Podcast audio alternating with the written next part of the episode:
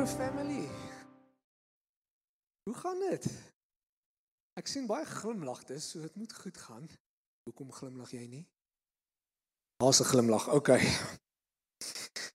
Ek is baie opgewonde oor vandag se woord. En dit is 'n woord wat regtig baie diep in my hart geslaan het.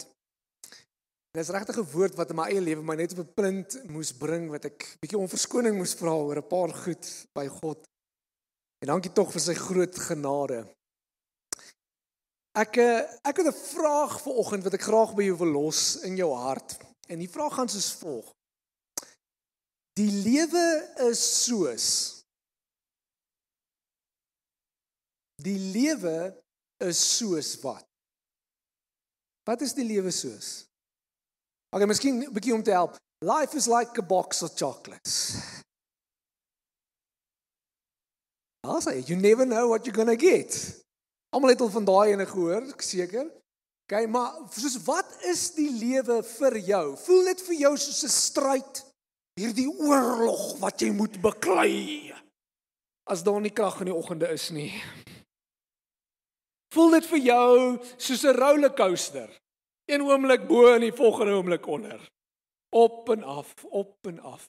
Ek sien van julle koppe gaan so. So kan sien as mense wat dit sien as 'n rollercoaster, maar dis so belangrik dat ons iets sal verstaan van wat simbole, metafore, beelde vir ons beteken, want as ons verstaan wat die lewe vir ons soos is, dan sal jy verstaan wat jou ervaring van die lewe is.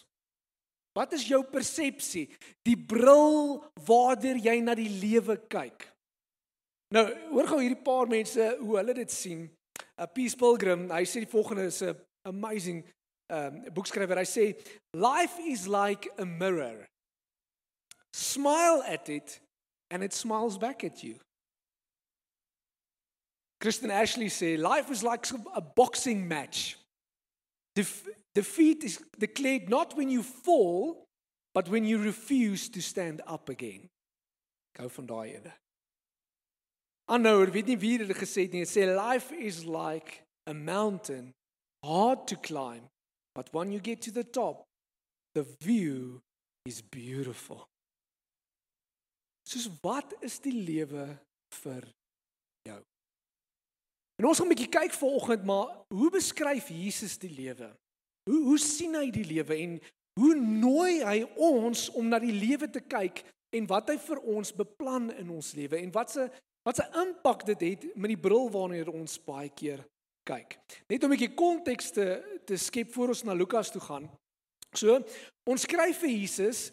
Jesus het uit Jerusalem uitgegaan. Um dis net na hy 'n blinde man genees het, want in daai oomblik het hy gesê dat hy die seun van God is. En die Fariseërs het in daai oomblik beplan om Jesus dood te maak. So daar's 'n groot spanning in die hele Jerusalem vir as Jesus gaan opdaag, dan gaan daar moeilikheid wees. So ons kry vir Jesus, Jesus kom weer terug. Hy weet die plan wat God vir sy lewe het.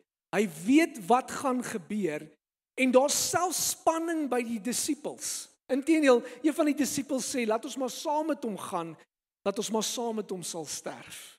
So daar's daar's hierdie spanningsoomblik en ons skryf vir Jesus, ons almal ken hierdie gedeelte waar hy by die Olyfberg is en ons lees as volg.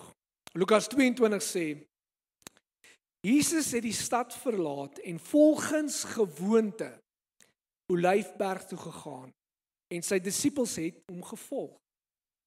Toe hy op die plek aankom, sê hy vir hulle: "Bid dat julle nie in versoeking kom nie." Toe hy op die plek aankom, sê hy vir hulle bid dat julle nie versoeking. Hy sê hy het hom toe van hulle afgesonder omtrent so ver as 'n mens met 'n klip kan gooi. Daar het hy gekniel en gebid. Vader, as U wil, neem tog hierdie lydingsbeker van my af weg. Maar verder sê hy, laat nogtans nie my wil nie, maar U wil geskied. 'n Engel uit die hemel het aan hom verskyn en hom versterk. Hy het doodangstig geraak en nog ernstiger gebid. Sy sweet het soos bloeddruppels geword wat op die grond geval het. Toe hy van die gebed opstaan en by die disippels kom, kry hy hulle aan die slaap uitgeput van droefheid. Hy sê toe vir hulle: "Waarom slaap julle? Staan op en bid sodat julle nie in die versoeking kom nie. Nou, wat baie interessant is, eerstens Jesus beskryf die lewe soos 'n beker. Kan ek gou sien wie van julle het julle gunsteling koppie by die huis? Het jy 'n spesifieke beker? Ek het so beker. Kyk, daai ek ek hou van daai beker.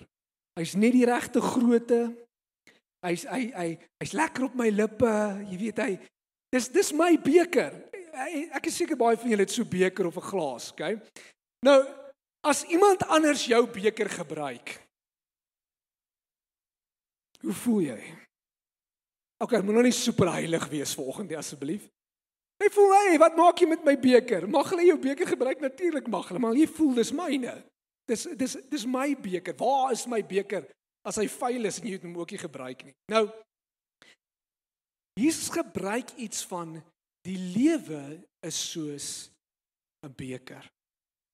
Dit wat vir jou gegee is. Dit waartoe hy jou nooi. En hierdie kan 'n simbool wees van oorvloed of van teenspoed. Jy kan baie in jou beker hê en dit kan baie goed wees of dit kan 'n beker wees waar daar miskien net klein bietjie water in is. Maar dis jou beker. En dit word beskryf as God se wil vir jou lewe. Hoor wat sê dit ook Psalm 23 vers 5 tot 6. Kan ek vra vir 'n klein bietjie water asseblief? Dankie. Um Psalm 23 vers 5 sê You prepare a table before me in the presence of my enemies. You anoint my head with oil, my cup overflows. Hou van daai overflows. Surely goodness and mercy shall follow me all the days of my life, and I shall dwell in the house of the Lord forever. So wat Jesus doen is, Jesus nooi jou na 'n plek toe om te sê, selfs in die nagmaal toe hy om die tafel gesit het met sy disippels, nooi hy hulle na 'n plek toe om te sê, kom drink hierdie beker saam met my want dit sal vir jou lewe gee. En dit simboliseer iets van Jesus wat jou nooi om hierdie lewe saam met hom te deel.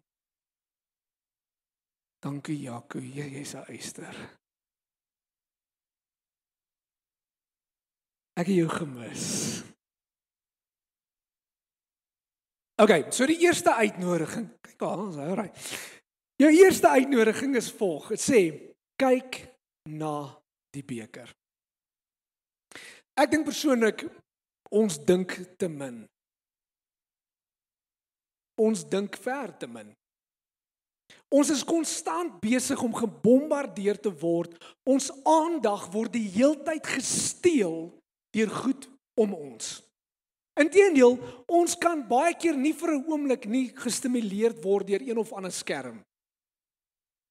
Of ons besig op TV of jy's op jou foon besig of jy's in die kar. Wanneer laas jy in die kar gery en jy sit net jou radio heeltemal af? Voel weird, né? Ons is oorgestimuleer stimuleer stimuleer en ons is baie aandag afleibaar want daar is soveel opsies in hierdie lewe. Die opsies wat gegroei het as gevolg van media en die internet is baie meer as wat dit in die verlede was. En ons kom eintlik op 'n plek wat sê dis amper soos 'n buffet. Wie van julle was al by 'n buffet gewees? Kan ek gou vinnig sien? Jy stap in by 'n buffet, dan sê jy soos ooh. Ek gaan daai eet en ek gaan daai eet. Iets ietsiekie van daai. En kom jy ooit deur daai hele buffet? Nee. It's just too much. En wat gebeur is alles trek ons aandag af Terwyl God eintlik wil hê ons moet na 'n plek toe kom wat ons na die beker ons lewe kyk en sê Here, wat is u wil? Wat is u wil vir my? Ek hou van die ding waar dit sê Jesus het uit gewoonte. It wasn't a once off. Dit was nie net hierdie een geleentheid nie, dit was ritmies deel van sy lewe om elke keer te gaan na die Vader toe in 'n refleksie oomblik te hê saam met God en te sê Here, is ek besig om te doen wat U wil hê ek moet doen. Hierdie oomblik wat hy na sy lewe kyk, waar is hy fisies, waar is hy emosioneel? Is hy besig om sy talente te gebruik God se koninkryk? Dis 'n plek van afsondering. Ek weet nie van jou nie, ek, ek kom deesdae agter vandat ek kinders het, afsondering raak nogal moeilik. Is dit nie so nie? Want is die heeltyd besig. Maar ons moet daai oomblikke hê. Al gaan jy weg van die huis af, al gaan jy daar na Fermeerdam toe, waar ook al jou plek is, wat jy 'n plek van afsondering moet hê sodat jy kan kyk na wat God se wil is vir jou lewe. Jesus kom na 'n plek toe en wie wat ook kenmerkend is, hy's ingesteld en hy's knielend voor God. Hy's letterlik op 'n plek van afhanklikheid by God om te sê Here, hiersoos ek. Ek is niks sonder U nie.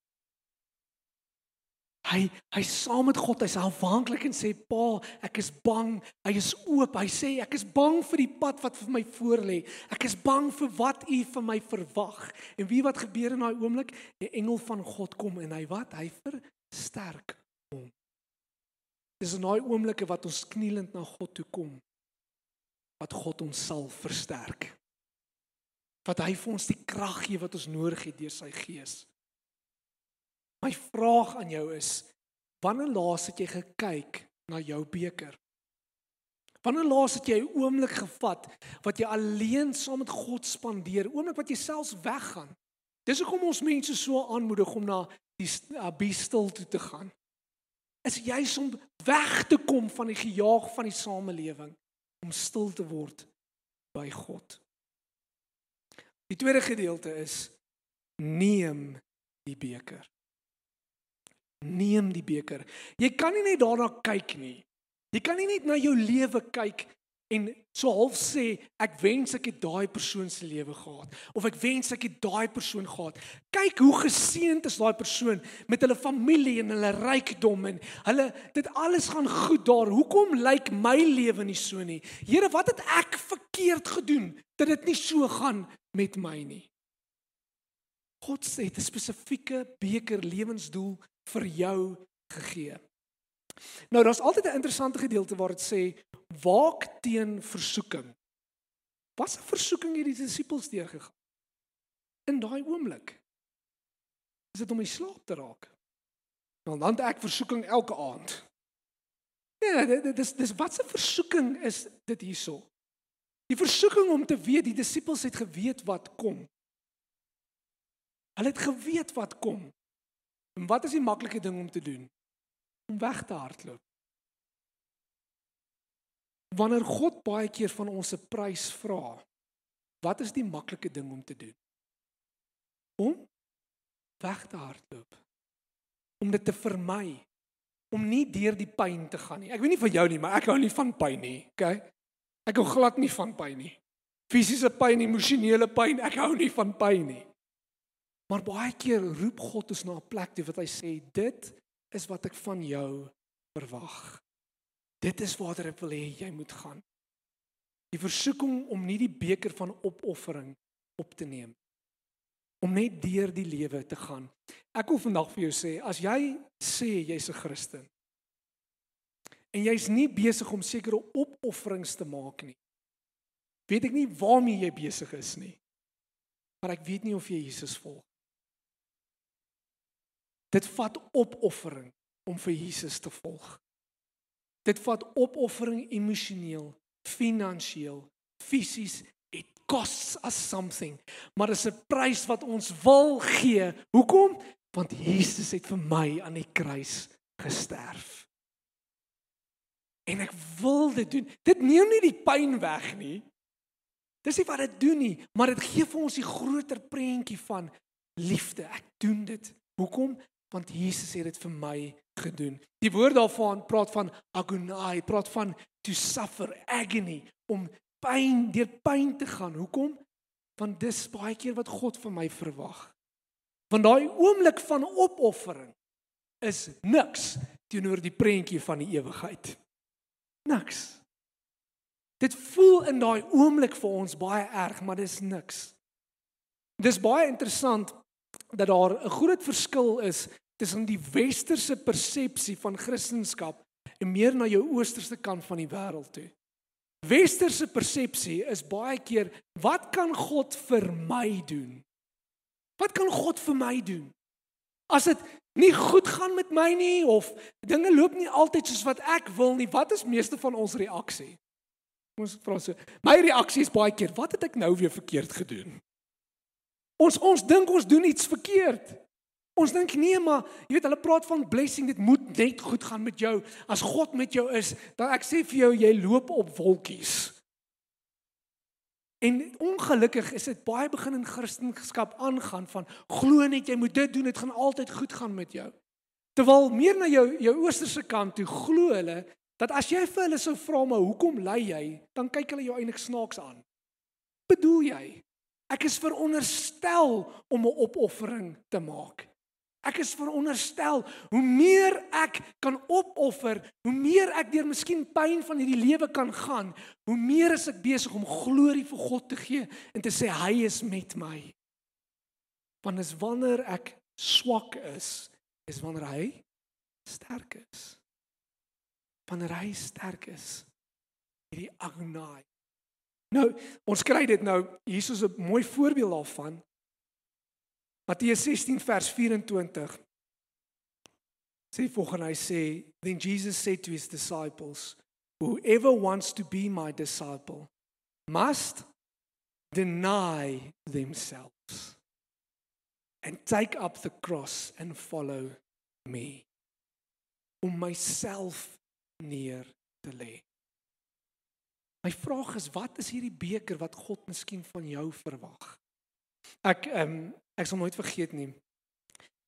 Uh ons is besig met 'n klomp projekte en hierdie projekte kos baie baie geld. En uh ons is besig om vir God se koninkryk met uitreike en ja, en dis wonderwerke. Duisende duisende rande kom deur.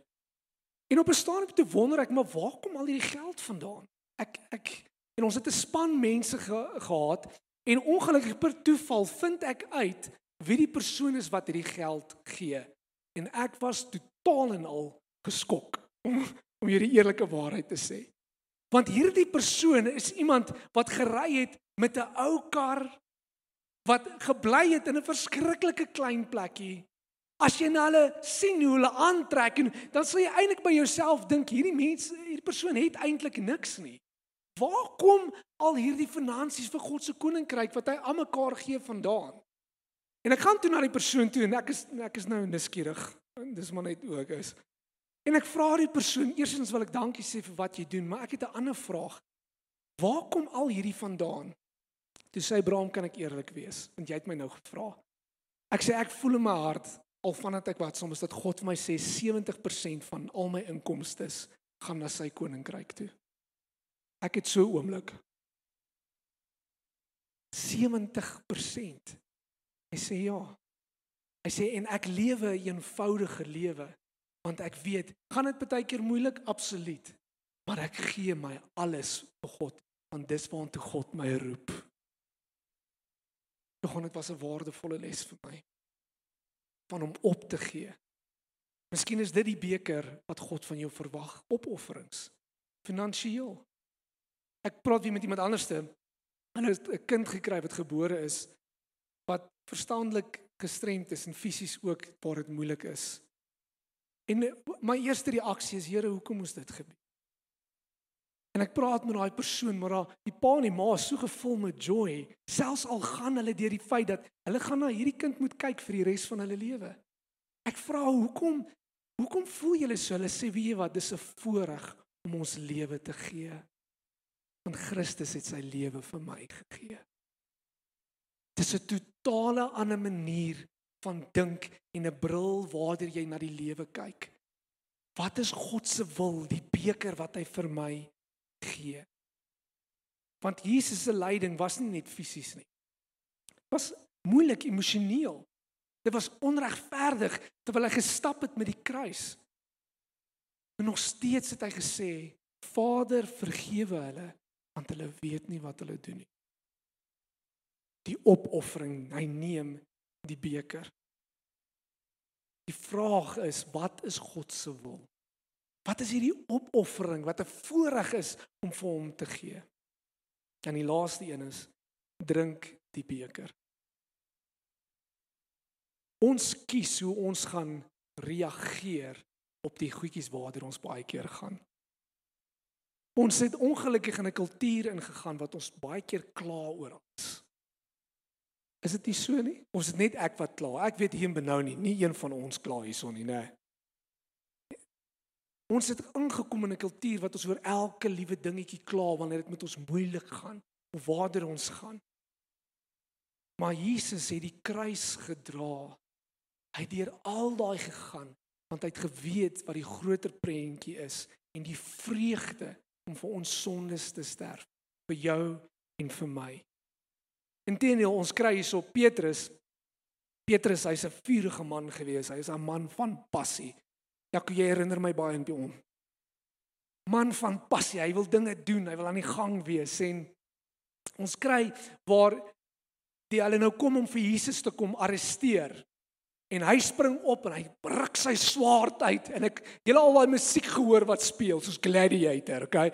Spring uit haas, kan hy kap sommer die persoon se oor af. Hy sal beklei vir Jesus. En hoor wat is Jesus se reaksie? Toe sê Jesus vir Petrus: "Sit die swaard in sy skede terug. Moet ek dan nie die lydingsbeker drink wat die Vader my gegee het nie?"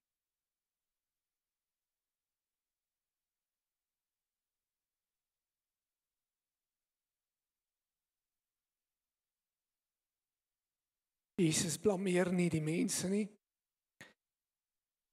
Jesus blameer nie vir Pontius Pilatus of die regering of die Romeine nie. Hy neem die lydingsbeker en sê hierdie is die wil van my Vader.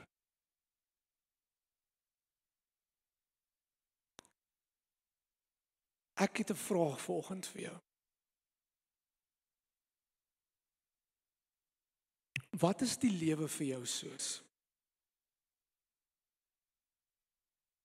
Is dit 'n rollercoaster? Is dit 'n berg wat jy moet klim?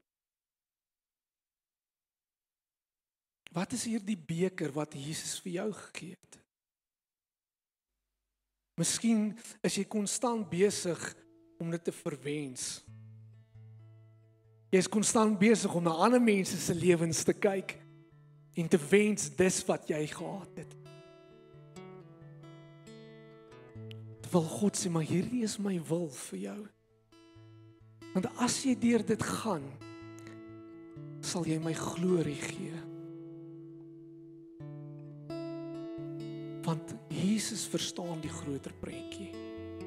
God verstaan dat die lyding waardeur ons gaan in hierdie wêreld, maak nie saak wat dit is nie, is niks in vergelyking met die hemel en die groter prentjie wat hy vir ons het nie. En nou moet iets binne in ons hart wees om te sê ek is besig om af te sonder, seker te maak ek beweeg in die wil van my Vader. I am not distracted by this world and all its different options.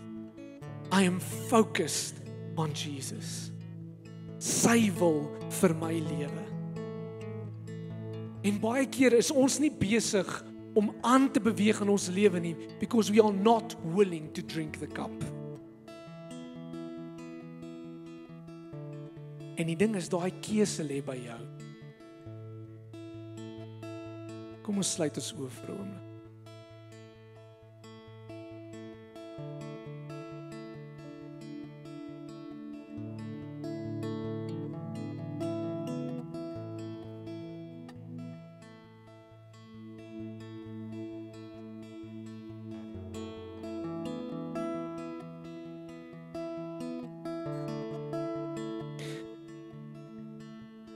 Wil 'n paar vrae vir jou vra. Net daar waar jy is, ek bid dat die Heilige Gees nou met jou sal praat. Miskien is dit dat jou attitude, soos hulle sal sê in Engels, nie reg is nie. Jy het altyd hierdie verwyd in jou hart oor die beker wat vir jou gegee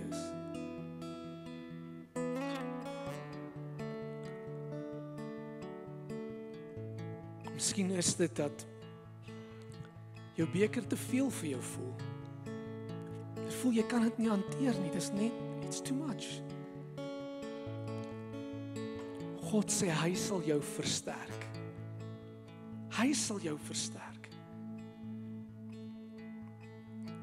Hy sal niks vir jou gee wat jy nie kan hanteer nie. Neem die beker en drink daarvan. God vra dat ons die kruis sal opneem. En wanneer ons deur hierdie lewe saam met hom gaan, the reward is so big.